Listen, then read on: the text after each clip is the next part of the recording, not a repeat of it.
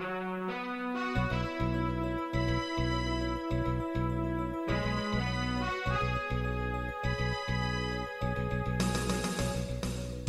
listening to Radio Free Asia.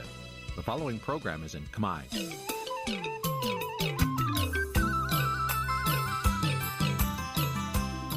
នេះជាកម្មវិធីផ្សាយ Vuthu Azizi Serai នេះជាកម្មវិធីផ្សាយរបស់ Vuthu Azizi Serai ជាភាសាខ្មែរ Vuthu Azizi Serai សូមស្វាគមន៍លោកអ្នកនាងទាំងអស់ពីរដ្ឋធានី Washington នៃសហរដ្ឋអាមេរិកចាប់ពីរដ្ឋធានី Washington នាងខ្ញុំម៉ៅសុធានីសូមជម្រាបសួរលោកអ្នកស្ដាប់ទាំងអស់ជាទីមេត្រីចាយើងខ្ញុំសូមជូនការផ្សាយសម្រាប់ព្រឹកថ្ងៃប្រហ័ស200ខែទុតិយាសាទឆ្នាំថោះបញ្ញស័កពុទ្ធសករាជ2567ហើយដែលត្រូវនឹងថ្ងៃទី3ខែសីហាគ្រិស្តសករាជ2023 ជាកិច្ចចាប់ផ្ដើមនេះនាងខ្ញុំសូមអញ្ជើញលោកអ្នកនាងកញ្ញាស្ដាប់ព័ត៌មានប្រចាំថ្ងៃដែលមានមេត្តាដូចតទៅបជាកសិករនិងក្រុមអាជីវករហាក់មិនមានសង្ឃឹមថារដ្ឋាភិបាលអាណត្តិថ្មីអាចជួយដោះស្រាយបញ្ហាលំបាករបស់ពួកគាត់អ្នកនយោបាយបពប្រឆាំងនិងមន្ត្រីសង្គមស៊ីវិល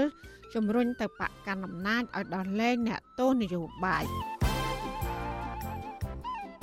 ជីវប្រវត្តិសង្ខេបរបស់ព្រះអង្គម្ចាស់នរោត្តមចក្រាវុធព្រះប្រធានគណៈបកហ៊ុនស៊ិនពេជ្រសហគមន៍ប្រិមេតាធម្មជាតិស្នើដល់រដ្ឋាភិបាលឲ្យផ្ដល់កូនឈើដើម្បីដាំឡើងវិញរួមនឹងព័ត៌មានសំខាន់សំខាន់មួយចំនួនទៀតចាត់ជាបន្តទៅទៀតនេះនាងខ្ញុំម៉ៅសុធានីសូមជូនព័ត៌មានទាំងនោះពឺស្ដាប់ ចាលោកនានីជាទីមេត្រីក្រុមអាជីវករហាក់មិនសូវមានសង្ឃឹមលើរដ្ឋាភិបាលអាណត្តិថ្មីដែលដឹកនាំដោយកូនប្រុសរបស់លោកហ៊ុនសែនគឺលោកហ៊ុនម៉ាណែតថានឹងអាចជួយធ្វើស្ថានភាពសេដ្ឋកិច្ចនៅក្នុងស្រុកវត្តរកភាពប្រកដីឡើងវិញខណៈកំពុងចាត់ទពលទៅដល់ការលក់ដូររបស់ពួកគាត់ក្រុមអាជីវករនិងសង្គមស៊ីវិលយល់ឃើញថាប៉ះសិនបើស្ថានភាពនយោបាយនៅកម្ពុជាប្រែប្រួល នោះនឹងអាចជួយសេដ្ឋកិច្ចបរដ្ឋក្នុងស្រុកបានល្អប្រសើរជាងនេះ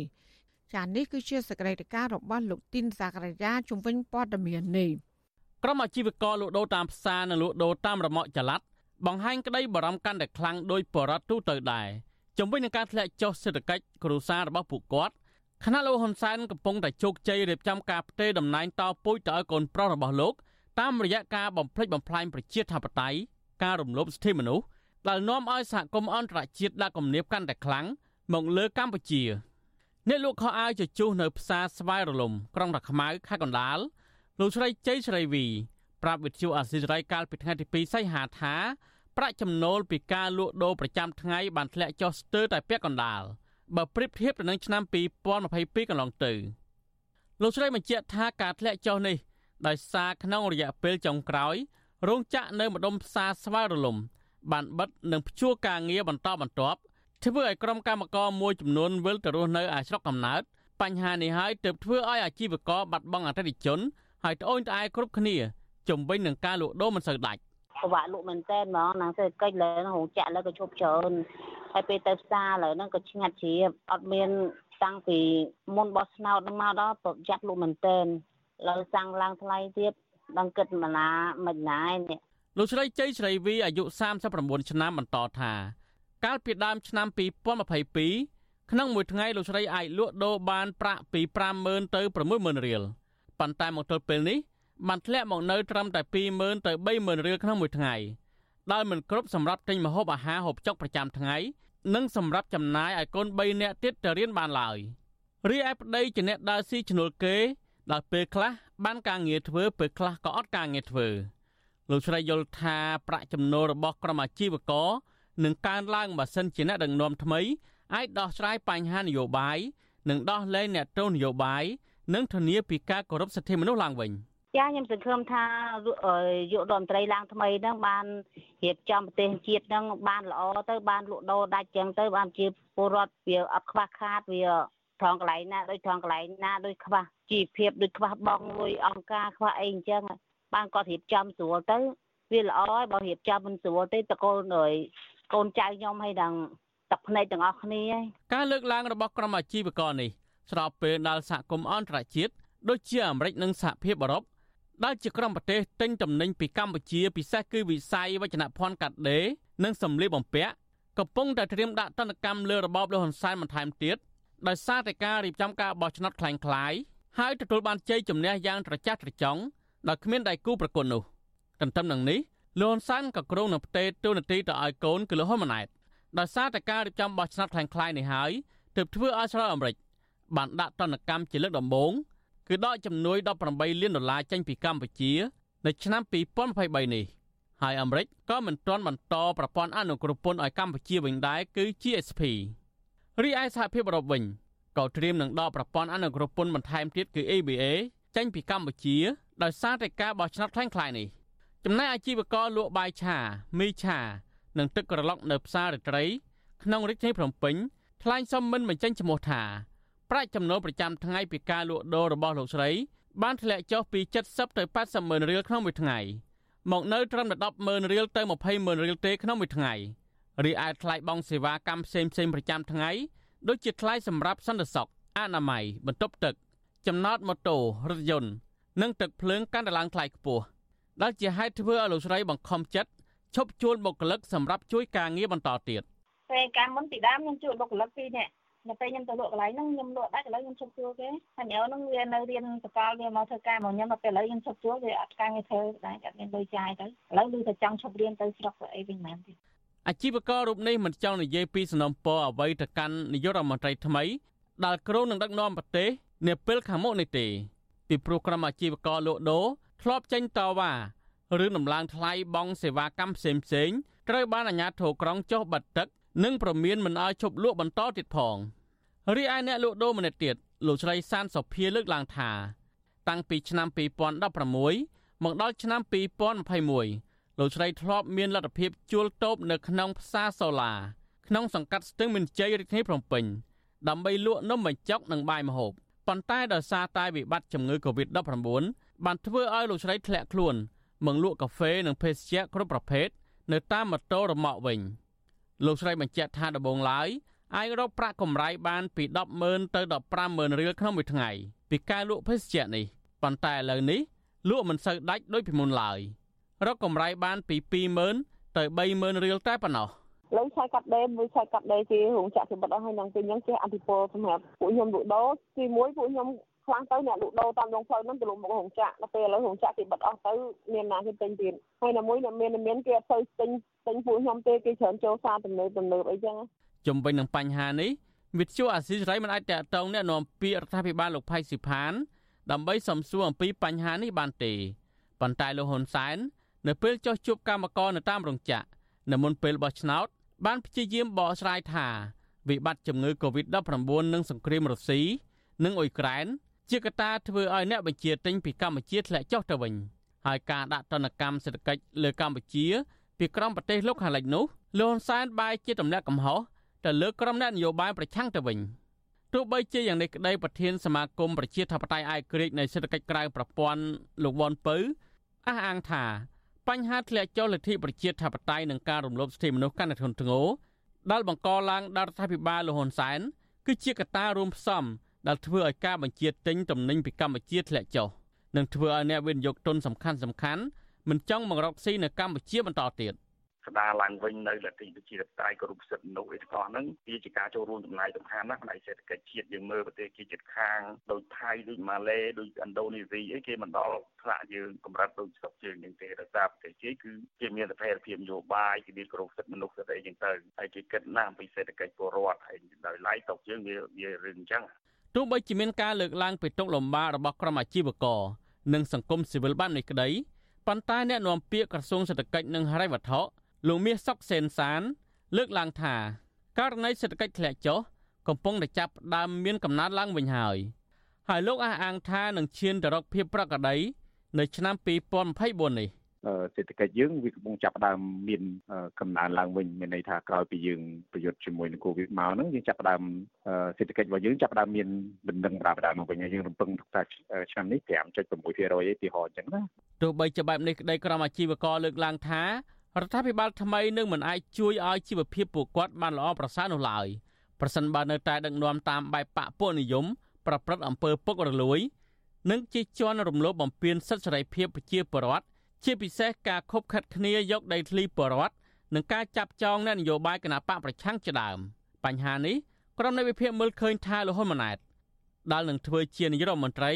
ដោយសារតែឪជាអ្នកលើកបន្ទាប់នោះនឹងដឹកនាំនាវាកម្ពុជាមិនខុសពីឪពុកនោះឡើយ នាវិភាគជាកថាលហ៊ុនម៉ាណែតនឹងធ្វើឲ្យកម្ពុជាប្រឈមនឹងវិបត្តិសេដ្ឋកិច្ចធ្ងន់ធ្ងរដោយសារតែតនកម្មពីក្រមប្រទេសលោកសេរីខ្ញុំបាទទីនសាការីយ៉ាអស៊ីសេរីពីរដ្ឋធានី Washington ចាលោកនានីជាទីមេត្រីពាក់ព័ន្ធនឹងរដ្ឋាភិបាលថ្មីដឹកនាំដោយលោកហ៊ុនម៉ាណែតនេះពជាកសិករនៅតាមតំបន់ដាច់ស្រយាលមួយចំនួន បានដាក់ក្តីសង្ឃឹមទៅលើរដ្ឋាភិបាលថ្មីថានឹងជួយដោះស្រាយបញ្ហាកសិកម្មនិងអភិវឌ្ឍមូលដ្ឋានរបស់ពួកគាត់បានប្រសើរជាងមុនមន្ត្រីសង្គមស៊ីវិលជឿឃើញថារដ្ឋាភិបាលថ្មីគួរតែដោះស្រាយបញ្ហាទាំងនេះជាអាទិភាពដើម្បីលើកស្ទួយជីវភាពរស់នៅរបស់ពលរដ្ឋចាអ្នកស្រីសុជីវីរាយការណ៍ព័ត៌មាននេះកសិករនៅតាមភូមិស្រុកដាច់ស្រយាលមួយចំនួន មានក្តីរំពឹងខុសៗគ្នា លើរដ្ឋាភិបាលថ្មី ដែលដឹកនាំដោយលោកហ៊ុនម៉ាណែតក្នុងការជួយដោះស្រាយបញ្ហាដែលរដ្ឋាភិបាលចាស់របស់ឪពុករបស់លោក មិនអាចដោះស្រាយបានបើទោះជាយ៉ាងណាពួកគាត់រំពឹងថា មន្ត្រីនៃរដ្ឋាភិបាលថ្មីនឹងមានទំនួលខុសត្រូវជាងមន្ត្រីរដ្ឋាភិបាលចាស់ដោយមិនគេចវេះឬឆ្លើយដោះសារចំពោះបញ្ហារបស់កសិករទៀតនោះទេកសិករដាំត្រសក់នៅស្រុកម៉ាឡៃខេត្តបន្ទាយមានជ័យ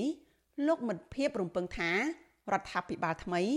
នឹងជួយឲ្យផលដំណាំរបស់ពួកគាត់លក់បានតម្លៃសមរម្យមានទីផ្សារនិងបង្កើតរោងចក្រផលិតជីថ្នាំកសិកម្មក្នុងស្រុកដើម្បីកាត់បន្ថយការនាំចូលពីបរទេសដែលមានតម្លៃថ្លៃជាមួយគ្នានេះលោកស្នើសុំឲ្យរដ្ឋាភិបាល និងអាជ្ញាធរនៅព្រំដែនទប់ស្កាត់ការនាំចូលបន្លែផ្លែឈើពីប្រទេសជិតខាង ដែលជាហេតុធ្វើឲ្យទិន្នផលនៅក្នុងស្រុកជាប់គាំងនាំឲ្យឈ្មួញឆក់ឱកាសបន្ទាបតម្លៃកាន់តែខ្លាំង កសិករនៅខេត្តជាប់ព្រំដែនរូបនេះឲ្យដឹងថា បញ្ហាទាំងនេះបានបង្កការខាតបង់អស់រាប់ពាន់ដុល្លារនិងបំណុលជំទឹះទៅដល់កសិករអស់រយៈពេលជាច្រើនឆ្នាំមកហើយហើយវាក៏បណ្ដាលឲ្យពលរដ្ឋមួយចំនួនបាត់បង់ដីធ្លីដោយសារធនាគាររឹបអូសនិងធ្វើចំណាក់ស្រុកទៅប្រទេសជិតខាង។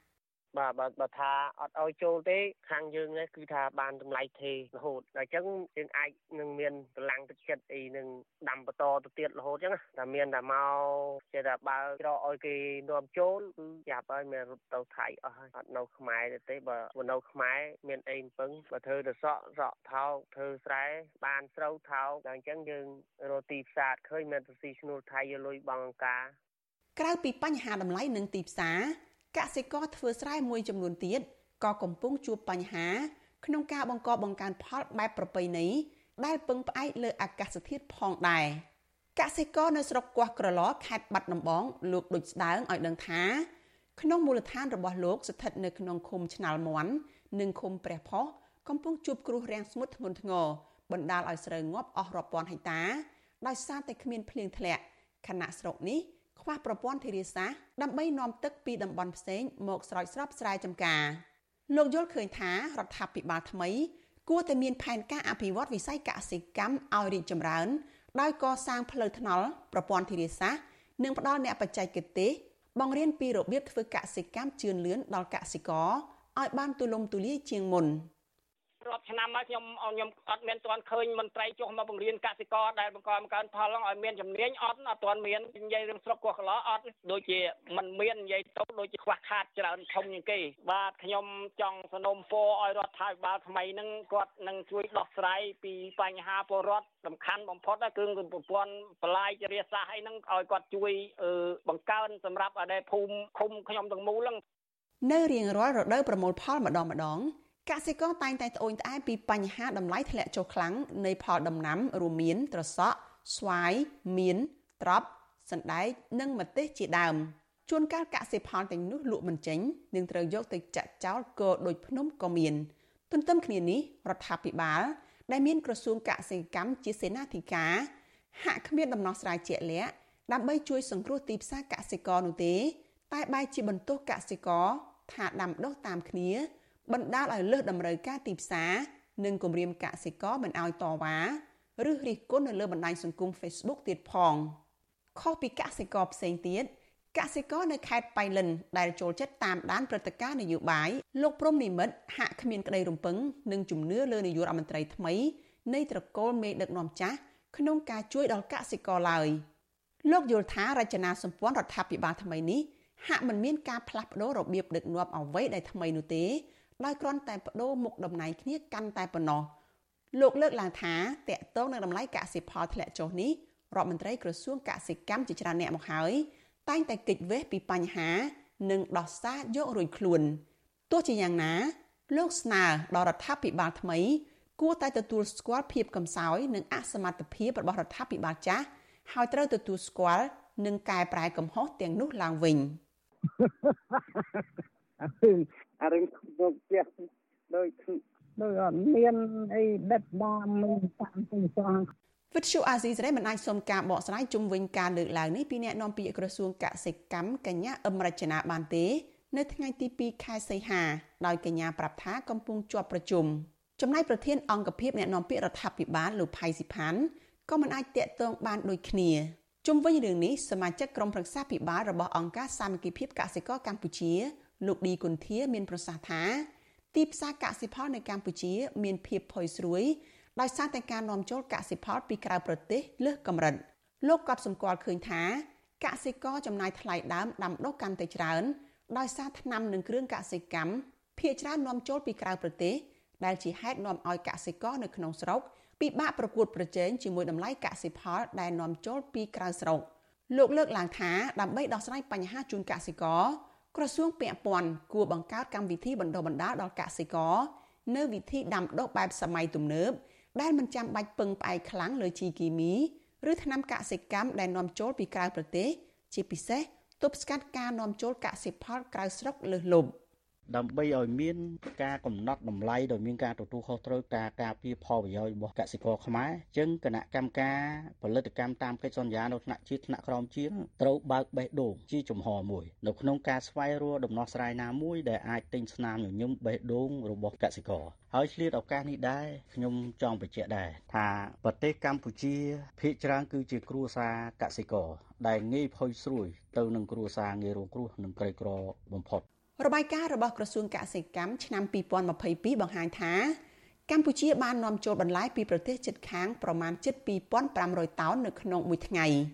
របាយការណ៍បញ្ជាក់ថាការនាំចូលបន្លែពីក្រៅប្រទេសច្រើនបែបនេះដោយសារការដាំដុះនៅក្នុងស្រុកនៅជួបបញ្ហាបច្ចេកទេសដាំដុះសម្ភារៈកសិកម្មថ្លៃនិងគ្រោះធម្មជាតិទើបវិស័យឯកជនបាននាំចូលបន្លែពីក្រៅស្រុកបន្ថែមដើម្បីមកបំពេញតម្រូវការ ប្រជាកសិកររំពឹងថារដ្ឋាភិបាលថ្មីនឹងជួយដោះស្រាយបញ្ហាទីផ្សារកសិកម្មបច្ចេកទេសដាំដុះប្រព័ន្ធធារាសាស្ត្រជាពិសេសជួយអភិវឌ្ឍផ្លូវលំសាលារៀននិងមន្ទីរពេទ្យនៅតាមទីជនបទដើម្បីបង្កភាពងាយស្រួលដល់ពួកគាត់នាងខ្ញុំសុជីវីវិទ្យុអាស៊ីសេរីពីរដ្ឋធានី Washington ចាលោកដានៀងកញ្ញាកំពុងស្ដាប់ការផ្សាយរបស់វិទ្យុអាស៊ីសេរីផ្សាយចេញពីរដ្ឋធានី Washington ព្រះអង្គម្ចាស់នរោត្តមចក្រាវុធគឺជាអ្នកនយោបាយចំនួនក្រោយហើយបានទទួលតួនាទី ជាព្រះប្រធានគណៈបកហ្វុនស៊ិនពេជ្រដែលព្រះបិតាព្រះអង្គគឺសម្ដេចក្រមព្រះនរោត្តមរណរដ្ឋក៏ធ្លាប់ធ្វើជាប្រធានគណៈបករាជានិយមមួយនេះដែរតើព្រះអង្គម្ចាស់នរោត្តមចក្រាវុធមានជីវប្រវត្តិបែបណា ចាសសេចក្តីរាយការណ៍សួស្ដីពីរឿងនេះលោកណានៀងនឹងបានស្ដាប់នាពេលបន្តិចទៀតនេះ លោកនានីជាទីមេត្រីដំណើរធាននឹងស្ដាប់ការផ្សាយរបស់វិទ្យុអសីស្រីតាមបណ្ដាញសង្គម Facebook YouTube និង Telegram លោកនាងក៏អាចស្ដាប់ការផ្សាយរបស់យើងតាមរលក ធាតុអាកាសខ្លីឬ Shortwave តាមកម្រិតនិងកម្ពស់ដូចតទៅចាប់ពីព្រឹកចាប់ពីម៉ោង5កន្លះដល់ម៉ោង6កន្លះតាមរយៈប៉ុស SW 12.14 MHz ស្មើនឹងកម្ពស់ 25m និងប៉ុស SW 13.71 MHz ស្មើនឹងកម្ពស់ 22m ចាសម្រាប់ពេលយប់វិញគឺចាប់ពីម៉ោង7កន្លះដល់ម៉ោង8កន្លះគឺតាមរយៈប៉ុស SW 9.33 MHz ស្មើនឹងកម្ពស់ 32m ប៉ុស SW 11.88 MHz ស្មើនឹងកម្ពស់ 25m និងប៉ុស SW 12.15 MHz ស្មើនឹងកម្ពស់ 25m ចាសសូមអរគុណចាលោកនានីជាទីមេត្រីអ្នកនយោបាយបពប្រឆាំងនិងមន្ត្រីសង្គមស៊ីវិលជំរុញទៅគណៈបកកណ្ដាលអំណាចថាគួរទៅដល់លែងអ្នកទូនយោបាយ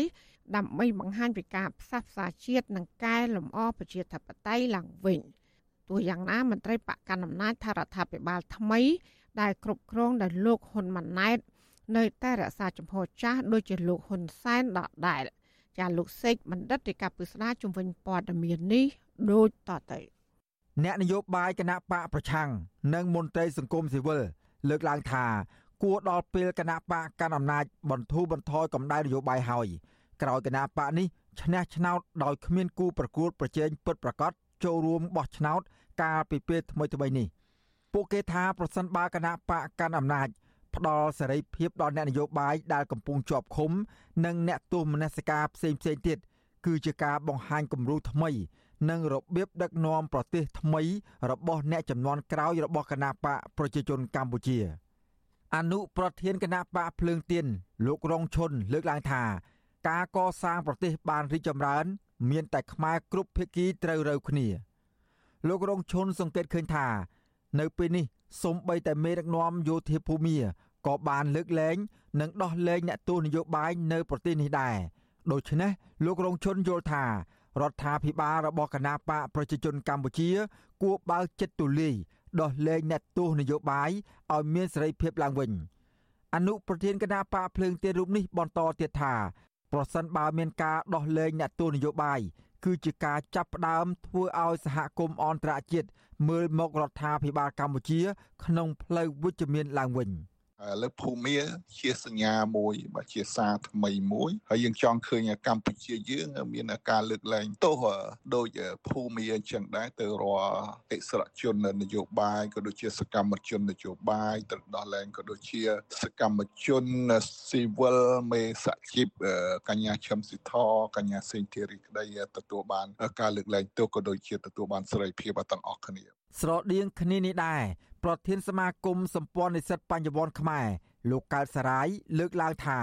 ប្រសិនបើអ្នកនយោបាយបន្តវេនរបស់គណបកប្រជាជនកម្ពុជា គឺលោកហ៊ុនម៉ាណែត ដែលគ្រងដឹកនាំរដ្ឋាភិបាលនាពេលខាងមុខនេះ លើកលែងទោសដល់អ្នកទោសមនសិការនោះលោកហ៊ុនម៉ាណែតនឹងក្លាយជាមេដឹកនាំមានចិត្តគំនិតទូលំទូលាយជាងឪពុកលោកបន្តទៀតថាពេលនេះ ពលរដ្ឋខ្មែរនិងសហគមន៍អន្តរជាតិកំពុងរងចាំមើលការអនុវត្តរបស់មេដឹកនាំថ្មីនៃគណៈបកកណ្ដាលអំណាចចាស់វសាមួយនេះ ខ្ញុំជឿថាទាំងសហគមន៍អន្តរជាតិក៏ដូចជាប្រជាពលរដ្ឋខ្មែរមកដល់ពេលនេះក៏មិនមានអ្នកណាចង់មើលឃើញឲ្យកម្ពុជានឹងវិវត្តទៅរកស្ថានភាពដែលតានតឹងដែលខ្មែរនិងខ្មែរមិនអាចជជែកចរចាគ្នាបាននោះទេ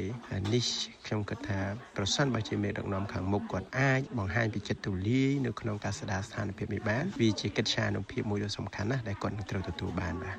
អ្នកនយោបាយគណៈបកប្រឆាំងនិងមន្ត្រីសង្គមស៊ីវិលលើកឡើងដូចនេះ ក្រោយពេលដែលរដ្ឋាភិបាលនៃប្រទេសមីយ៉ាន់ម៉ាឬភូមាលើកលែងទោសខ្លះដល់អ្នកនយោបាយប្រជាធិបតេយ្យអ្នកស្រីអ៊ុងសានស៊ូជីនិងដោះលែងអ្នកទោសនយោបាយជាង7000នាក់កាលពីពេលថ្មីៗនេះចំណែករដ្ឋាភិបាលលោកហ៊ុនសែនដែលដឹកនាំប្រទេសជិត40ឆ្នាំមកហើយនេះកំពុងឃុំខ្លួនអ្នកទោសនយោបាយមនសិការរាប់សិបនាក់ក្នុងពន្ធនាគារនិងនៅក្នុងគេហដ្ឋាន អ្នកជាប់ឃុំទាំងនោះ រួមមានប្រធានគណៈបកសង្គ្រោះជាតិលោកកម្មសខា កំពុងអនុវត្តទោសនៅក្នុងផ្ទះចំណែកអនុប្រធានគណៈបកភ្លើងទៀនលោកថៃសេដ្ឋានិងសកម្មជនគណៈបកប្រឆាំងជាច្រើនរូបផ្សេងទៀតកំពុងជាប់ឃុំនៅពន្ធនាគារទាំងអយុធធររបាយការណ៍ប្រចាំថ្ងៃរបស់អង្គការលីកាដូបង្ហាញថា សមត្ថកិច្ចនៃរដ្ឋាភិបាលលោកហ៊ុនសែនបានឃុំខ្លួនអ្នកទោសមនសិការចំនួន53នាក់ដាក់ពន្ធនាគារ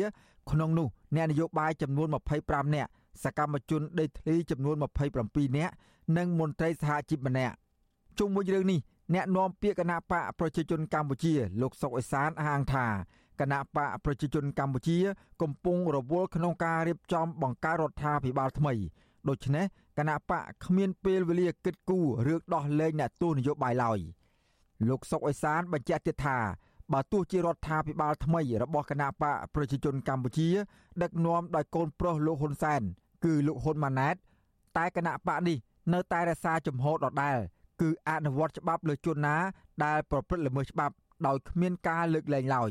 ការអនុវត្តច្បាប់នៅតែអនុវត្តច្បាប់ដដែលអ្នកដែលប្រព្រឹត្តល្មើសច្បាប់នៅតែទទួលខុសត្រូវចំពោះមុខច្បាប់ដដែលទេ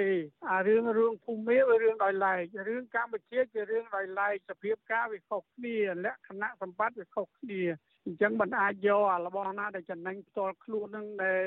ទៅប្រៀបធៀបដើម្បីចំណេញខ្លួនឯងនោះទេអត់ទេអាហ្នឹងយើងច្បាប់យើងយើងធ្វើតាមច្បាប់កម្ពុជាច្បាប់ភូមិអាហ្នឹងគេធ្វើតាមច្បាប់ភូមិ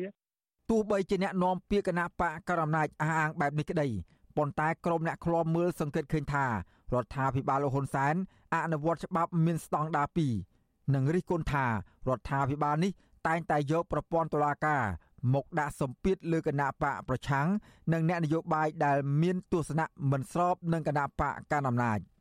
អ្នកនាំពាក្យសមាគមអាត6លោកសង្សានករណាសង្កេតឃើញថា ចាប់តាំងពីការបោះឆ្នោតឆ្នាំ2018និងការបោះឆ្នោតថ្ងៃទី23កក្កដាកាលពីពេលថ្មីៗនេះសហគមន៍អន្តរជាតិនៅតែរិះគន់រដ្ឋាភិបាលរឿងឃុំខ្លួនអ្នកទោសនយោបាយដដែលលោកយល់ថារដ្ឋាភិបាលថ្មីរបស់គណៈបកប្រជាជនកម្ពុជា គួរពិនិត្យឡើងវិញលើករណីនេះនិងគួរដោះលែងអ្នកទោសនយោបាយទាំងនោះឲ្យមានសេរីភាពឡើងវិញមន្ត្រីសិទ្ធិមនុស្សរូបនេះយល់ឃើញថា ប្រសិនបើរដ្ឋាភិបាលលោកហ៊ុនម៉ាណែតដែលគ្រោងដឹកនាំប្រទេសនាពេលខាងមុខនេះដោះស្រាយរឿងនេះបានល្អគឺរដ្ឋាភិបាលនឹងទទួលបានផលចំណេញហើយលោកហ៊ុនម៉ាណែតផ្ទាល់អាចនឹងត្រូវបានពលរដ្ឋខ្មែរឬសហគមន៍អន្តរជាតិចាប់អារម្មណ៍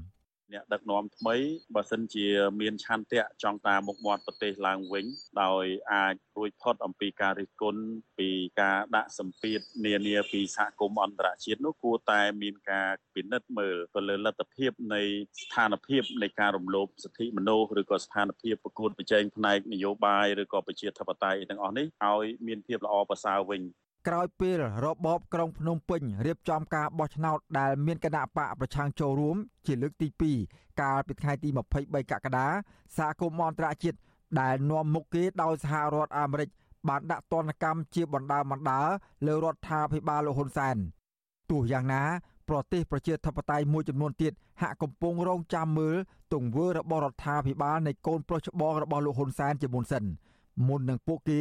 សម្រេចដាក់ទណ្ឌកម្មបែបណាលើរដ្ឋាភិបាលរបស់លោកហ៊ុនម៉ាណែតដែលនឹងដឹកនាំប្រទេសនៅចុងខែសីហានេះខ្ញុំបាទសេកបណ្ឌិតវិទ្យុអាស៊ីសេរីពីរដ្ឋធានីវ៉ាស៊ីនតោនចាលោកនាយកជាទីមេត្រីងាកមករដ្ឋមន្ត្រីការពារជាតិលោកទាបាញ់វិញដែលគេជឿថាលោកកំពុងត្រៀមរៀបចំផ្ទៃអំណាចតពូជ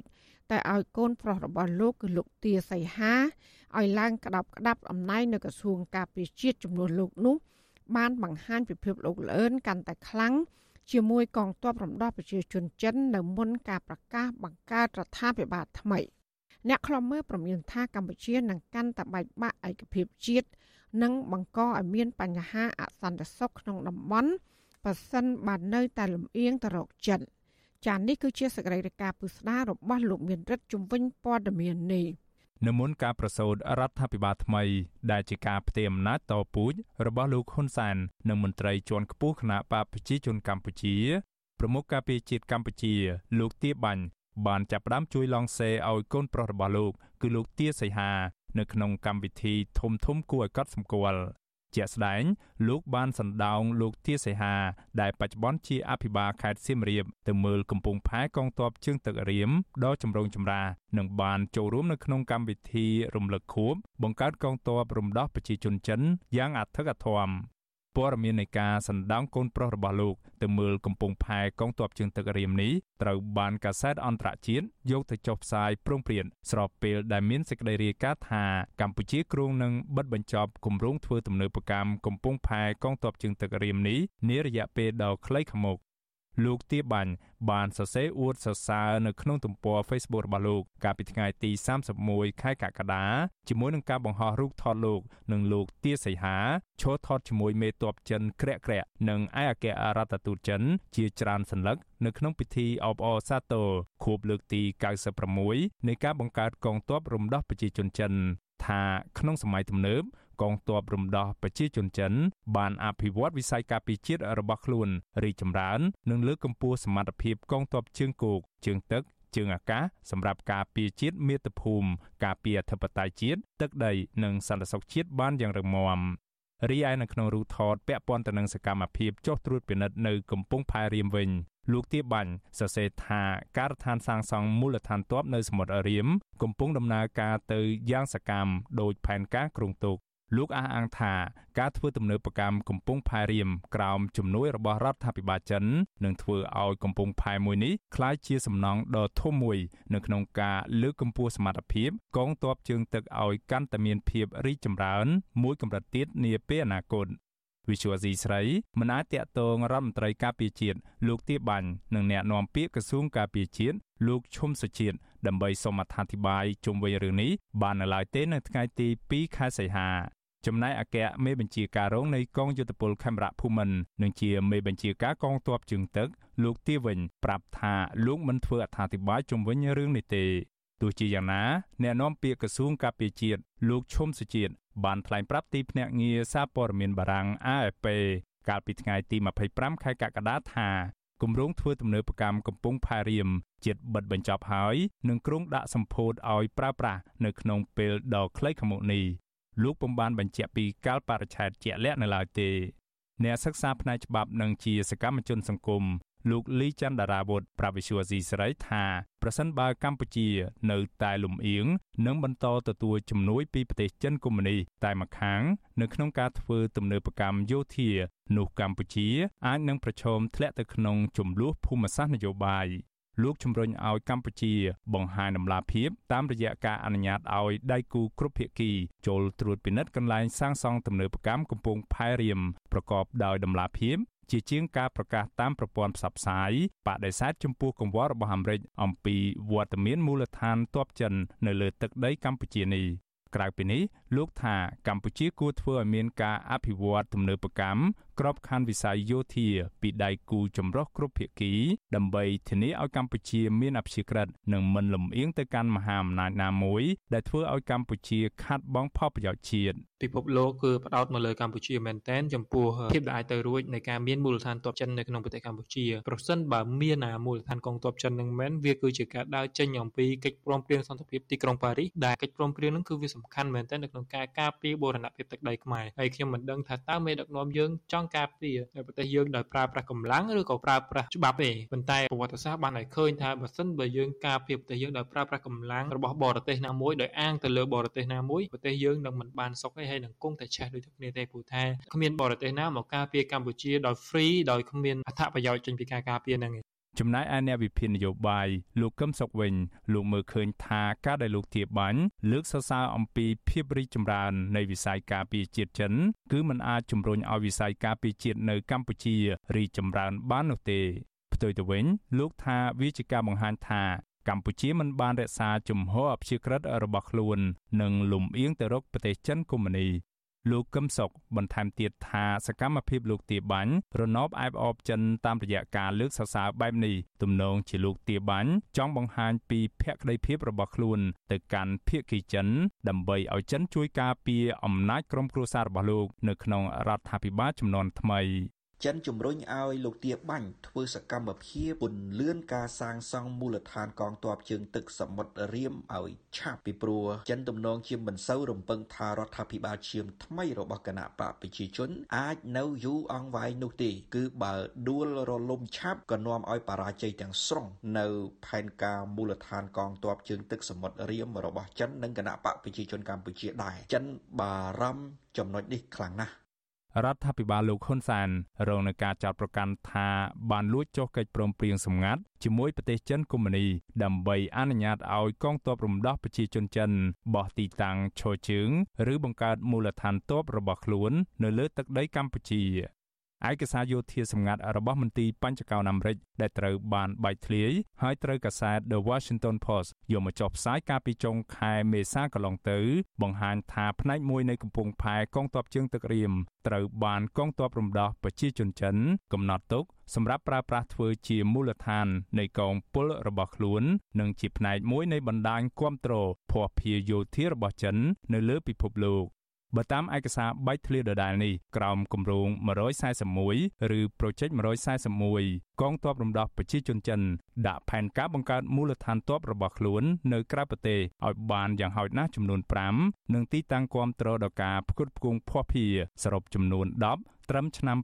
2030ដើម្បីសម្រេចនៅវត្ថុបំណងសន្តិសុខជាតិរបស់ក្រុងប៉េកាំងដែលរួមមានទាំងការការពារអត្ថប្រយោជន៍សេដ្ឋកិច្ចរបស់ខ្លួននៅក្រៅប្រទេសផងដែរ មូលដ្ឋានកងទ័ពជើងទឹករៀមដែលអាមេរិកសង្ស័យថាមានវត្តមានយោធារបស់ចិននោះបានប្រែប្រួលយ៉ាងខ្លាំងនៅក្នុងរយៈពេលប្រមាណឆ្នាំចុងក្រោយនេះរូបភាពថតបានតាមផ្កាយរណបរបស់ក្រុមហ៊ុនបច្ចេកវិទ្យាអាមេរិកឈ្មោះ Blake Sky Technology កាលពីចុងខែកក្កដាបង្ហាញថាចិនជិតសម្រេចបាននៅស្ថានីយកងទ័ពជើងទឹករបស់ខ្លួន នៅកំពង់ផែកងទ័ពជើងទឹករៀមរបស់កម្ពុជាហើយ របាយការណ៍របស់ក្រុមហ៊ុន Black Sky អាមេរិកបានស្រង់សម្ដីអនុប្រធានកម្មវិធីសិក្សាពីចិននិងជាអ្នកស្រាវជ្រាវជាន់ខ្ពស់នៃមូលនិធិដើម្បីការពារប្រជាធិបតេយ្យដែលមានមូលដ្ឋាននៅរដ្ឋធានី Washington សហរដ្ឋអាមេរិកលោក Craig Singleton ថាមានភាពស្រដៀងគ្នាស្ទើរតែពិតប្រាកដរវាងកំពង់ផែនៅមូលដ្ឋានកងទ័ពជើងទឹករៀមនិងកំពង់ផែ Djibouti ដែលស្ថិតនៅទ្វីបអាហ្វ្រិកខាងកើតដែលជាមូលដ្ឋានទ័ពក្រៅប្រទេសតែមួយគត់របស់ចិននៅលើពិភពលោកលោកថាការទទួលយករបស់កម្ពុជា ធ្វើជាម្ចាស់ផ្ទះនៃកំពង់ផែកងទ័ពជើងទឹកក្រៅប្រទេសទី2របស់ប្រទេសចិននិងបង្កើនសមត្ថភាពយុទ្ធសាស្ត្ររបស់ក្រុងប៉េកាំងនៅក្នុងការពង្រីកអំណាចយោធារបស់ខ្លួន ចូលទៅក្នុងតំបន់មហាសមុទ្រឥណ្ឌារីឯអ្នកសិក្សាស្រាវជ្រាវជាន់ខ្ពស់នៃកម្មវិធីការពារជាតិនៃមជ្ឈមណ្ឌលសន្តិសុខអាមេរិកថ្មីលោក Tom Shugart បានប្រាប់ Visual C ស្រីថា ប្រៀបធៀបទៅនឹងរូបភាពតាមផ្កាយរណបកាលពីខែកុម្ភៈកន្លងទៅផែសម្ចតថ្មីនៅកំពង់ផែកងទ័ពជើងទឹករៀមត្រូវបានពង្រីកនៅក្នុងប្រវែងប្រមាណ300ម៉ែត្រលោកថាផែសម្ចតនេះអាចអនុញ្ញាតឲ្យកប៉ាល់ចម្បាំងទាំងមូលនៃកងទ័ពរំដោះប្រជាជនចិនរួមទាំងកប៉ាល់ផ្ទុកយន្តហោះចម្បាំងរបស់ចិនប្រភេទ003 Fujian អាចចូលចតនៅកំពង់ផែកងទ័ពជើងទឹករៀមនេះបាន ក្រៅពីនេះរូបភាពតាមផ្កាយរណបក៏បានបង្ហាញឲ្យឃើញពីសកម្មភាពពង្រីកផ្ទៃដី នៅភូមិខាងត្បូងនៃកំពង់ផែមូលដ្ឋានទ័ពរៀមកើនទំហំធំជាងមុន3ដង គឺច្រើនជាង3ហិកតាបន្ថែមទៀតខ្ញុំបានមេរិត Visual Asia ស្រីពីរដ្ឋធានី Washington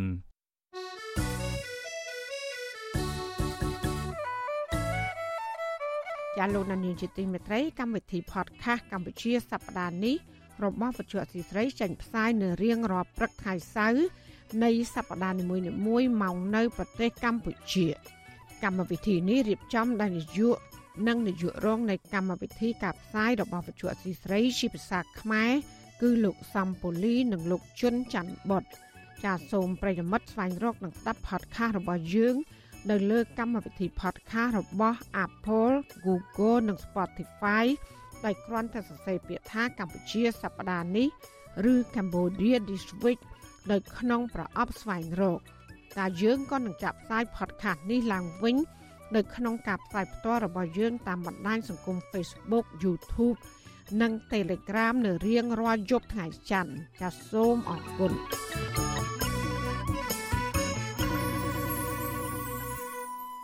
លោកអ្នកស្ដាប់ទីមេត្រីតកតូននឹងការអភិរក្សប្រៃឈើវិញ សហគមន៍ព្រៃមេតាធម្មជាតិស្នើដល់រដ្ឋាភិបាលឲ្យផ្ដល់កូនឈើដើម្បីដាំឡើងវិញក្រោយពីព្រៃមេតាធម្មជាតិត្រូវបានឈូសឆាយមន្ត្រីសង្គមស៊ីវិលថាព្រៃឈើពិតជាមានសារៈសំខាន់សម្រាប់ជីវិតមនុស្សរស់នៅសត្វនៅលើផែនដីជាពិសេសគឺទប់ទល់ជាមួយនឹងការប្រែប្រួលអាកាសធាតុចាអ្នកស្រីសុជីវីមានសេចក្តីរាយការណ៍ដាច់ដライមួយទៀតជុំវិញព័ត៌មាននេះ សំណើរបស់សហគមន៍នេះគឺបន្ទាប់ពីព្រៃសហគមន៍ម្ដំស្រែពោះឬព្រៃមេតាធម្មជាតិដែលមានទំហំជិត900ហិកតា ស្ថិតនៅភូមិពោមៀឃុំត្រពាំងជោស្រុកអូរ៉ាល់ខេត្តកំពង់ស្ពឺ នៅសេសសល់ព្រៃតែតិចតួចប៉ុណ្ណោះប្រជាសហគមន៍អះអាងថា ពួកគាត់គ្រងនឹងបណ្ដុះកូនឈើចំនួន20000ដើមសម្រាប់ដាំឡើងវិញ នៅជុំវិញរូបពុទ្ធបដិមានៅខាងក្រោយវត្តមេតាធម្មជាតិដើម្បីបានមលប់សម្រាប់រូបបដិមាផង និងសម្រាប់តាក់ទាញសត្វព្រៃផងសមាជិកសហគមន៍ព្រៃមេតាធម្មជាតិលោកលៀងពាន់ប្រាប់វិទ្យុអាស៊ីសេរីនៅថ្ងៃទី2ខែសីហាថាសហគមន៍ព្រៃឈើរបស់ពួកលោកក្រុងបណ្ដុះកូនឈើចំនួន20000ដើមដើម្បីដាំនៅលើដីដែលត្រូវបានឈូសឆាយខាងក្រោយវត្តមេតាធម្មជាតិលោកបន្តថាផ្ទៃដីដែលត្រូវដាំកូនឈើនោះនៅមិនទាន់កំណត់ជាក់លាក់នៅឡើយទេ ពីដីសរុបត្រូវដាំហ្នឹងវាច្រើនហាត់ដែរលោកគ្រូនិយាយទៅខាងគាត់ឈូឆាយហ្នឹងវាវាវាច្រើនហើយតែអញ្ចឹងទៅពួកសហគមន៍ក៏សុំថាធ្វើយ៉ាងណាឲ្យកុំឲ្យអស់ពេកទុកឲ្យគ្មានចំនួនក្រោយនឹងសត្វព្រៃកន្លែងសត្វជ្រកខ្លះអញ្ចឹងទៅហើយមិនដឹងគេឲ្យមកសហគមន៍ប៉ុន្មានអីប៉ុន្មានហើយដោះស្រាយគេមិនទាន់រួចឲ្យហើយអញ្ចឹងខ្ញុំក៏គេក៏ដាំខ្ញុំក៏ដាំអញ្ចឹងវាដាំដូចតែគ្នា សមាជិកសហគមន៍ព្រៃមេតាធម្មជាតិលោកខុនសរិទ្ធប្រាប់វិទ្យុអាស៊ីសេរីថាមកទល់នឹងពេលនេះព្រៃមេតាធម្មជាតិនៅសល់តិចតួចស្ទើរតែបាត់បង់ទៅហើយក្រោយពីការឈូសឆាយរបស់កងរថក្រោះង70លោកបន្តថាកត្តានេះហើយដែលប្រជាសហគមន៍ដាំកូនឈើឡើងវិញទុកសម្រាប់ជាសម្បត្តិធម្មជាតិដើម្បីឲ្យក្មេងចំនួនក្រោយ។ សម្រាប់ខ្ញុំជាប្រជាសហគមន៍នៅតំបន់ហ្នឹងគឺចង់ស្នើសុំដល់ជាពលរដ្ឋឬក៏អ្នកដែលមានកូនឈើអង្គការអីយុវជនក្តីឲ្យតែមានកូនឈើមេត្តាជួយចូលរួមផ្ដល់ជាកូនឈើឬក៏ជាគ្រាប់ដើម្បីពួកខ្ញុំបណ្ដុះនិងដាំដុះឡើងវិញវិទ្យុអាស៊ីសេរីនៅមិនទាន់អាចតាក់ទងអភិបាលខេត្តកំពង់ស្ពឺលោកវីសំណាងដើម្បីសុំការឆ្លើយតបអំពីរឿងនេះបាននៅឡើយទេ នៅថ្ងៃទី2ខែសីហា តកតងរឿងនេះអភិបាលខេត្តកំពង់ស្ពឺលោកវីសំណាងធ្លាប់ប្រាប់វិទ្យុអាស៊ីសេរីកាលពីចុងខែមេសាថាលោកគាំទ្រការដាំកូនឈើឡើងវិញស្របពេលអាកាសធាតុកំពុងតែប្រែប្រួលហើយលោកនឹងជួយរកគ្រាប់ពូជបន្ថែមសម្រាប់ដាំទោះជាយ៉ាងណាប្រធានផ្នែកកម្មវិធីស្រាវជ្រាវនឹងតស៊ូមតិនៃសមាគមបណ្ដាញយុវជនកម្ពុជា លោកហេងកំហុងមានប្រសាសន៍ថាការប្រែប្រួលអាកាសធាតុបានជះឥទ្ធិពលមកដល់កម្ពុជា ដែលកើតឡើងពីការបាត់បង់លំនឹងធម្មជាតិ ការបំផ្លិចបំផ្លាញធនធានធម្មជាតិជាពិសេសការកាប់បំផ្លាញព្រៃឈើលោកអំពីវនេះដល់ពលរដ្ឋបញ្ឈប់ការគ្រប់គ្រងនិងប្រើប្រាស់គ្រឿងសង្ហារឹមធ្វើអំពីឈើបញ្ឈប់ការកាប់បំផ្លាញព្រៃឈើនិងចូលរួមដាំដើមឈើឡើងវិញ។ ដូច្នេះអ្វីដែលយើងត្រូវគិតគូរដែរនៅក្នុងនោះគឺការកាប់ការកាប់បំផ្លាញព្រៃឈើព្រៃឈើត្រូវបានគេចាត់ទុកថាជាឃ្លាំងកាបូនយ៉ាងសំខាន់ដើម្បីស្រូបយកសារជាតិពុលសារជាតិកាបូនអុកស៊ីតនិងកាបូនម៉ូណូអុកស៊ីតកាបូនឌីអុកស៊ីតដែលជាពពុះកាបូនធ្វើឲ្យមានជះផលជះទៅការបម្រែបម្រួលអាកាសធាតុជុំវិញពិភពលោករបស់ពួកយើងបាទព្រៃសហគមន៍ម្ដំស្រែពោះឬព្រៃមេតាធម្មជាតិមានផ្ទៃដីប្រមាណ800ហិកតា មានសត្វព្រៃកម្រជាច្រើនប្រភេទរស់នៅ រួមមានទូចស្វាកង្កោកមាន់ព្រៃឆ្លុះនិងស្វាជាដើមត្រូវបានក្រុមអ្នកមានអំណាច មន្ត្រីយោធាពលរដ្ឋនិងឈ្មួញខលខូចមួយចំនួនឈូសឆាយទន្ទ្រានដីព្រៃសហគមន៍ដែលធ្វើឲ្យបាត់បង់ព្រៃឈើនិងសត្វព្រៃស្ទើរតែទាំងស្រុងសហគមន៍និងមន្ត្រីអង្គការសង្គមស៊ីវិលស្នើដល់អាជ្ញាធរសម្រួលដល់ការចូលរួមដាំកូនឈើឡើងវិញ និងអំពាវនាវដល់ពលរដ្ឋចូលរួមផ្ដល់គ្រាប់ពូជឬកូនឈើទៅតាមលទ្ធភាព ទៅដល់សហគមន៍ម្ដំស្រែពោះឬព្រៃមេតាធម្មជាតិដើម្បីឲ្យពួកគាត់ទទួលបានកូនឈើគ្រប់ចំនួននាងខ្ញុំសុជីវីវិទ្យុអាស៊ីសេរីពីរដ្ឋធានី Washington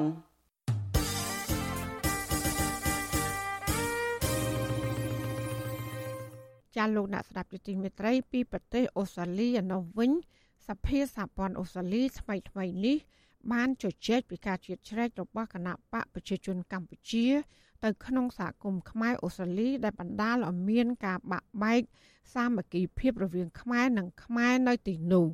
សមាជិកសភាអូស្ត្រាលីលើកឡើងថាការឈៀតច្រែកនេះគឺជាការគំរាមកំហែងដល់អ្នកប្រជាធិបតេយ្យនិងអ្នកធ្វើការងារបម្រើសហគមន៍មួយចំនួន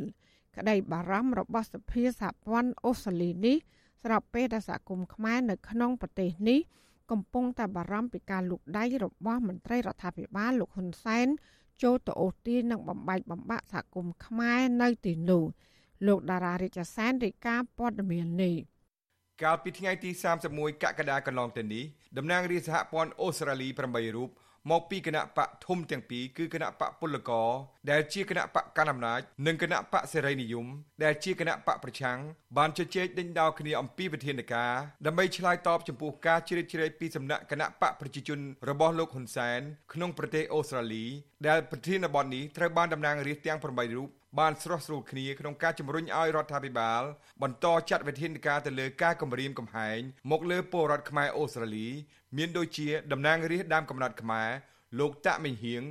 និងលោកហុងលឹមអតីតតំណាងរាស្ត្រអូស្ត្រាលីដើមកំណើតខ្មែរជាដើម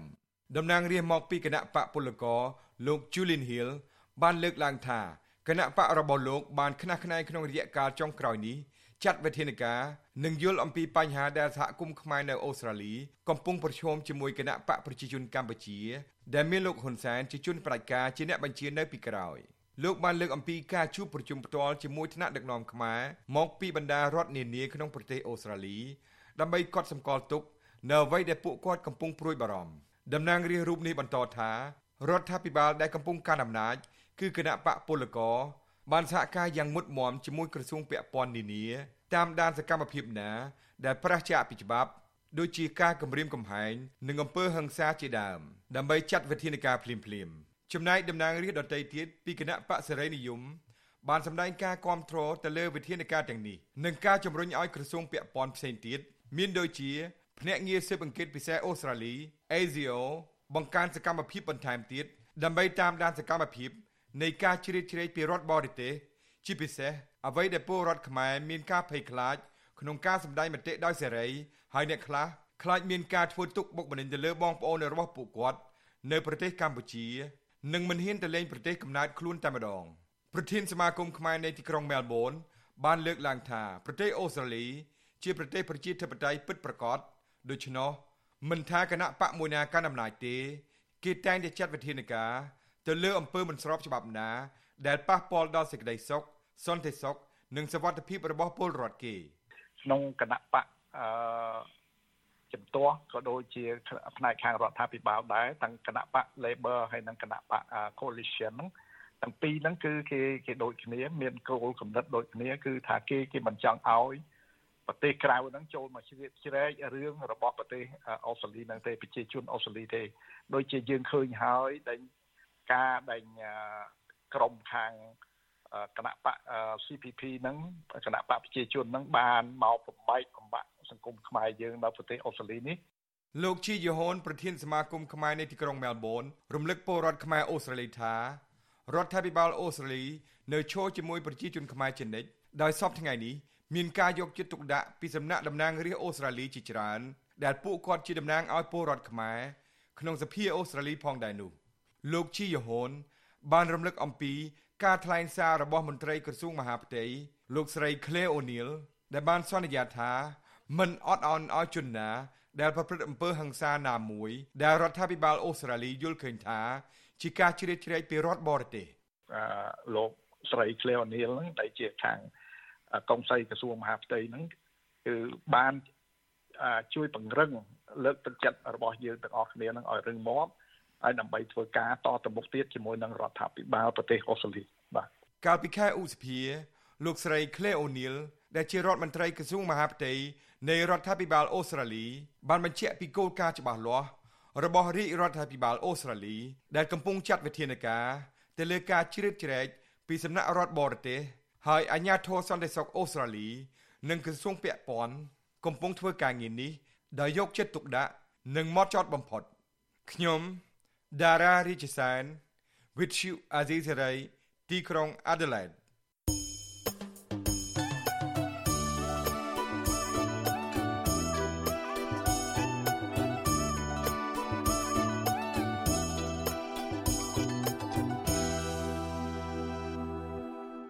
ចាលោកដានីជាទីមេត្រីព្រះអង្គម្ចាស់នរោត្តមចក្រាវុធ គឺជាអ្នកនយោបាយចំនួនក្រោយហើយបានទួនាទី ជាព្រះប្រធានគណៈបកហ្វុនស៊ិនពេជ្រដែលព្រះបិតារបស់ព្រះអង្គគឺសម្ដេចក្រមព្រះនរោត្តមរណរដ្ឋក៏ធ្លាប់ធ្វើជាប្រធានគណៈបករាជានិយមមួយនេះដែរគណៈបកហ្វុនស៊ិនពេជ្រធ្លាប់ទទួលជ័យជំនះលើគណៈបកប្រជាជនកម្ពុជារបស់លោកហ៊ុនសែននៅក្នុងការបោះឆ្នោតរៀបចំដោយអង្គការសហប្រជាជាតិកាលពីឆ្នាំ1993 តើព្រះអង្គម្ចាស់នរោត្តមចក្រាវុធមានជីវប្រវត្តិបែបណាចាលោកសេកបណ្ឌិតមានសេចក្តីរាយការណ៍ពិស្ដារជំវិញជីវប្រវត្តិរបស់ព្រះអង្គម្ចាស់នរោត្តមចក្រាវុធដូចតទៅព្រះអង្គម្ចាស់នរោត្តមចក្រាវុធប្រសូតនៅថ្ងៃទី13ខែមករាឆ្នាំ1970នៅក្នុងរាជធានីភ្នំពេញ ដែលនៅពេលនោះប្រទេសកម្ពុជា កំពុងស្ថិតនៅក្រោមការដឹកនាំរបស់ជីតារបស់ព្រះអង្គ គឺសម្ដេចព្រះនរោត្តមសីហនុនៅឡើយព្រះអង្គចក្រាវុធគឺជាបុត្រាច្បង ក្នុងចំណោមបុត្រាបុត្រី3ព្រះអង្គរបស់ព្រះអង្គម្ចាស់នរោត្តមរណរិទ្ធជាមួយព្រះជាយានរោត្តមម៉ារីរ៉ាណារិទ្ធត្បិតតែប្រសូតនៅកម្ពុជាប៉ុន្តែទ្រង់បានចាក់ចេញពីប្រទេសកម្ពុជា ជាមួយនឹងគ្រួសារនៅក្នុងសម័យសាធារណរដ្ឋខ្មែរទៅរស់នៅក្នុងប្រទេសបារាំងក្រោយពីសម្ដេចព្រះនរោត្តមសីហនុត្រូវបានក្រុមលោកសេនាប្រមុខលន់នល់ ធ្វើរដ្ឋប្រហារទម្លាក់ពីអំណាច នៅថ្ងៃទី18មីនា ឆ្នាំ1970នៅឆ្នាំ1976ព្រះម្ចាស់ចក្រាវុធដែលមានព្រះជន្ម6ព្រះវស្សាបានចាប់ផ្ដើមសិក្សានៅសាលានៅក្នុងប្រទេសបារាំងនោះប៉ុន្តែនៅចន្លោះឆ្នាំ1980ដល់ឆ្នាំ1990ព្រះអង្គម្ចាស់ត្រូវបានគ្រួសារផ្លាស់ការសិក្សាពីប្រទេសបារាំង ទៅសិក្សានៅវិទ្យាល័យរបស់បារាំងមួយកន្លែងនៅក្នុងទីក្រុងបាងកកប្រទេសថៃការផ្លាស់ប្ដូរការសិក្សានេះធ្វើឡើងតាមទីតាំងរស់នៅ របស់គ្រួសាររបស់ព្រះអង្គដោយសារតែនៅពេលនោះខ្សែរាជវង្សរួមមានសម្ដេចព្រះនរោត្តមសីហនុនិងព្រះអង្គម្ចាស់នរោត្តមរណរិទ្ធដែលជាព្រះបិតារបស់ព្រះអង្គបានដឹកនាំកម្លាំងតស៊ូនៅព្រំដែនកម្ពុជាថៃដើម្បីធ្វើសង្គ្រាមប្រឆាំងទៅនឹងរបបគ្រប់គ្រងក្រុងភ្នំពេញ ដែលគ្រប់គ្រងដោយលោកហេងសំរិន និងលោកហ៊ុនសែនដែលមានប្រទេសវៀតណាម ជាខ្នងបង្អែកនៅពីក្រោយការដួលរលំនៃរបបខ្មែរក្រហមបើទោះបីជាព្រះអង្គម្ចាស់ចក្រាវុធត្រូវបានព្រះបិតារបស់ព្រះអង្គនាំប្រកាយផ្លាស់ប្ដូរទីតាំងការសិក្សា ដែលជាជំនុំតស៊ូនយោបាយក្តីប៉ុន្តែព្រះអង្គហាក់ដូចជាមិនសូវចាប់អារម្មណ៍ទៅនឹងការសិក្សាអំពីនយោបាយនោះទេខុសពីព្រះបិតារបស់ព្រះអង្គ ដែលទទួលបានសញ្ញាបត្របណ្ឌិតផ្នែកច្បាប់ពីប្រទេសបារាំងព្រះអង្គម្ចាស់ចក្រាវុធទទួលបានសញ្ញាបត្រសុទ្ធតែផ្នែកវិទ្យាសាស្ត្រដូចជាសញ្ញាបត្រផ្នែកវិស្វករទូរគមនាគមន៍ពីសាធារណរដ្ឋបារាំងបរិញ្ញាបត្រវិស្វករអគ្គិសនី និងអេឡិចត្រូនិកនៅប្រទេសនូវែលសេឡង់ចំណែកផ្នែកភាសាវិញព្រះអង្គចេះនិយាយភាសាបារាំងអង់គ្លេសនិងអេស្ប៉ាញបានយ៉ាងស្ទាត់ជំនាញប៉ុន្តែចំពោះភាសាខ្មែរ ដែលជាភាសាកំណើតរបស់ទ្រង់អាចនិយាយបានតាក់តាក់នៅឡើយនេះប្រហែលជាដោយសារតែព្រះអង្គបានចំណាយពេលវេលាគង់នៅក្រៅប្រទេសច្រើនជាងនៅក្នុងប្រទេសកម្ពុជាបើនិយាយអំពីប្រវត្តិការងារវិញ នៅឆ្នាំ1990ដល់ឆ្នាំ1993ព្រះអង្គម្ចាស់នរោត្តមចក្រាវុធធ្លាប់ចូលរួមជាមួយកងទ័ពសេនុនិយមនៅព្រំដែនកម្ពុជាថៃ និងធ្លាប់បានចូលរួមបម្រើនៅក្នុងកងកម្ម៉ង់ដូនៃសាធារណរដ្ឋបារាំងក្រៅពីនេះព្រះអង្គក៏ធ្លាប់ចូលរួមបម្រើការងារនៅក្រុមហ៊ុនឯកជននៅក្នុងប្រទេសបារាំងដែរគឺនៅក្រុមហ៊ុនឯកជន Compaq Group និងក្រុមហ៊ុនរថយន្ត Nissan បើទោះជាព្រះអម្ចាស់ចក្រាវុធមានព្រះបិតាជាអ្នកប្រឡូកចូលជ្រៅក្នុងវិស័យនយោបាយនិងធ្លាប់ធ្វើជានាយករដ្ឋមន្ត្រីនៅក្នុងប្រទេសកម្ពុជាមួយរយៈពេលក្តី គេពុំសូវឃើញព្រះអម្ចាស់វ័យក្មេងអង្គនេះបង្ហាញព្រះភ័ក្ត្រឬចូលរួមប្រឡូកនៅក្នុងរឿងនយោបាយដោយព្រះបិតារបស់ព្រះអង្គឡើយចំពោះការចូលរួមប្រឡូកក្នុងឆាកនយោបាយរបស់ព្រះអង្គត្រូវបានគេមើលឃើញថាព្រះអង្គហាក់មិនបានព្រៀងទុកនោះទេប៉ុន្តែអ្វីៗហាក់បានប្រែប្រួលក្រោយពេលដែលព្រះបិតារបស់ព្រះអង្គគឺសម្ដេចក្រមព្រះនរោត្តមរណរិទ្ធដែលជាព្រះប្រធានគណៈបកហ្វុនស៊ិនពេជ្រ បានជួបគ្រោះថ្នាក់ចរាចរណ៍នៅខេត្តព្រះសីហនុក្នុងខែមិថុនាឆ្នាំ2018បន្ទាប់មកបានចូលទីវង្គតនៅខែវិច្ឆិកាឆ្នាំ2021ក្រោយពីព្រះបិតាជួបគ្រោះថ្នាក់ចរាចរណ៍ព្រះម្ចាស់ចក្រាវុធត្រូវបានគណៈបកហ្វុនស៊ិនពេជ្រតែងតាំងជាប្រធានស្ដីទីរបស់គណៈបកនៅខែសីហាឆ្នាំ2018មុនពេលព្រះអង្គត្រូវបានអង្គសមាជគណៈបក បោះឆ្នោតតែងតាំងឲ្យក្លាយជា ប្រធានគណៈបកហ្វុនស៊ិនពេជ្រនៅថ្ងៃទី9ខែកុម្ភៈឆ្នាំ2022ក៏ប៉ុន្តែខុសពីព្រះបិតារបស់ទ្រង់ដែលនៅពេលដឹកនាំគណៈបកហ្វុនស៊ិនពេជ្រចូលរួមការបោះឆ្នោតនៅក្នុងឆ្នាំ1993មានពលរដ្ឋគាំទ្រច្រើនរហូតដល់ឈ្នះការបោះឆ្នោតលើគណៈបកប្រជាជនកម្ពុជា ការទទួលបានតំណែងជាព្រះប្រធានគណៈបករបស់ព្រះអង្គម្ចាស់ចក្រវុឌ្ឍ គឺក្នុងពេលដែលប្រជាប្រិយភាពរបស់គណៈបករាជានិយមមួយនេះធ្លាក់ស្ទើរដល់បាតដាល់មានន័យថាគណៈបកហ្វុនស៊ីមពេចដឹកនាំដោយសម្ដេចក្រមព្រះដែលធ្លាប់បានទទួលអាសនៈច្រើនជាងគេនៅក្នុងរដ្ឋសភានៅក្នុងឆ្នាំ1993រហូតដល់មិនទទួលបានអាសនៈសភាសូម្បីតែមួយកៅអីនៅក្នុងការបោះឆ្នោតក្នុងឆ្នាំ2013និងឆ្នាំ2018នៅក្នុងឆ្នាំ1993 គណៈបករាជានិយមមួយនេះទទួលបាន58អាសនៈច្រើនជាងគេ នៅឆ្នាំ1998ទទួលបាន46អាសនៈនៅលើលេខរៀងទី2នៅឆ្នាំ2003ទទួលបាន26អាសនៈបន្ទាប់មកទៀតនៅឆ្នាំ2008ទទួលបានតែ2អាសនៈហើយនៅ2អាណត្តិក្រោយមកទៀតគឺនៅឆ្នាំ2013និងឆ្នាំ2018មិនទទួលបានសម្លេងឆ្នោត សូម្បីតែមួយអាសនៈនោះទេអ្នកនាំពាក្យគណៈបកហ្វុនស៊ិពេច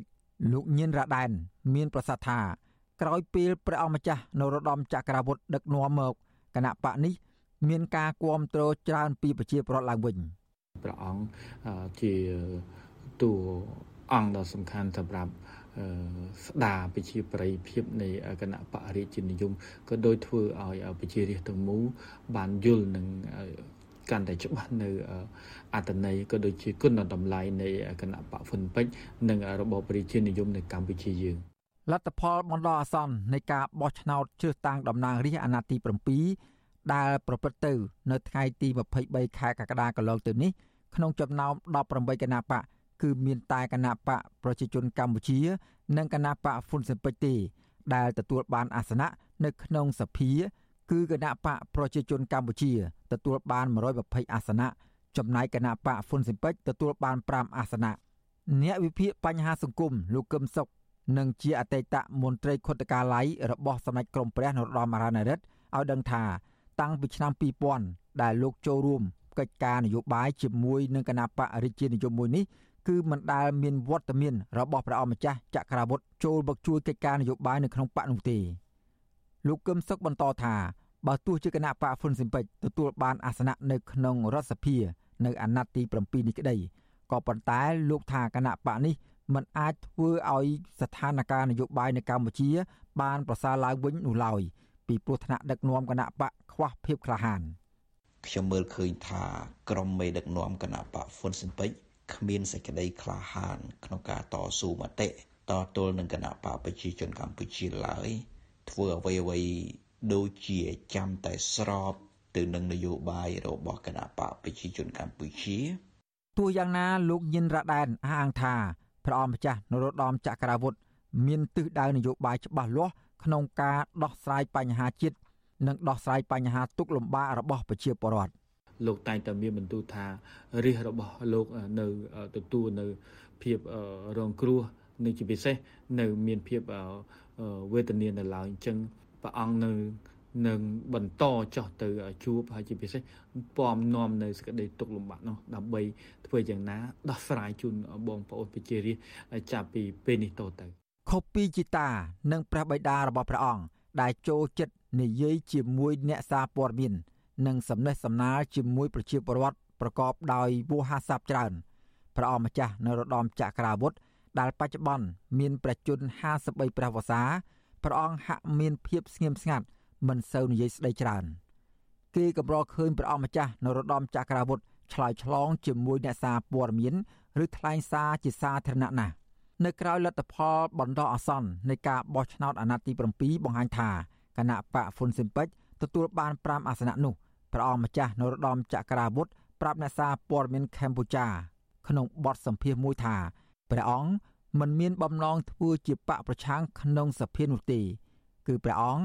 នឹងធ្វើជាដៃគូសហការជាមួយនឹងគណៈបកប្រជាជនកម្ពុជា ដែលជាគណៈបកកាន់អំណាច ដើម្បីធ្វើការរួមគ្នាអភិវឌ្ឍប្រទេស និងពង្រឹងលទ្ធិប្រជាធិបតេយ្យនៅកម្ពុជា ខ្ញុំបាទសេកបណ្ឌិតវុទ្ធុអាស៊ីសេរីពីរដ្ឋធានីវ៉ាស៊ីនតោន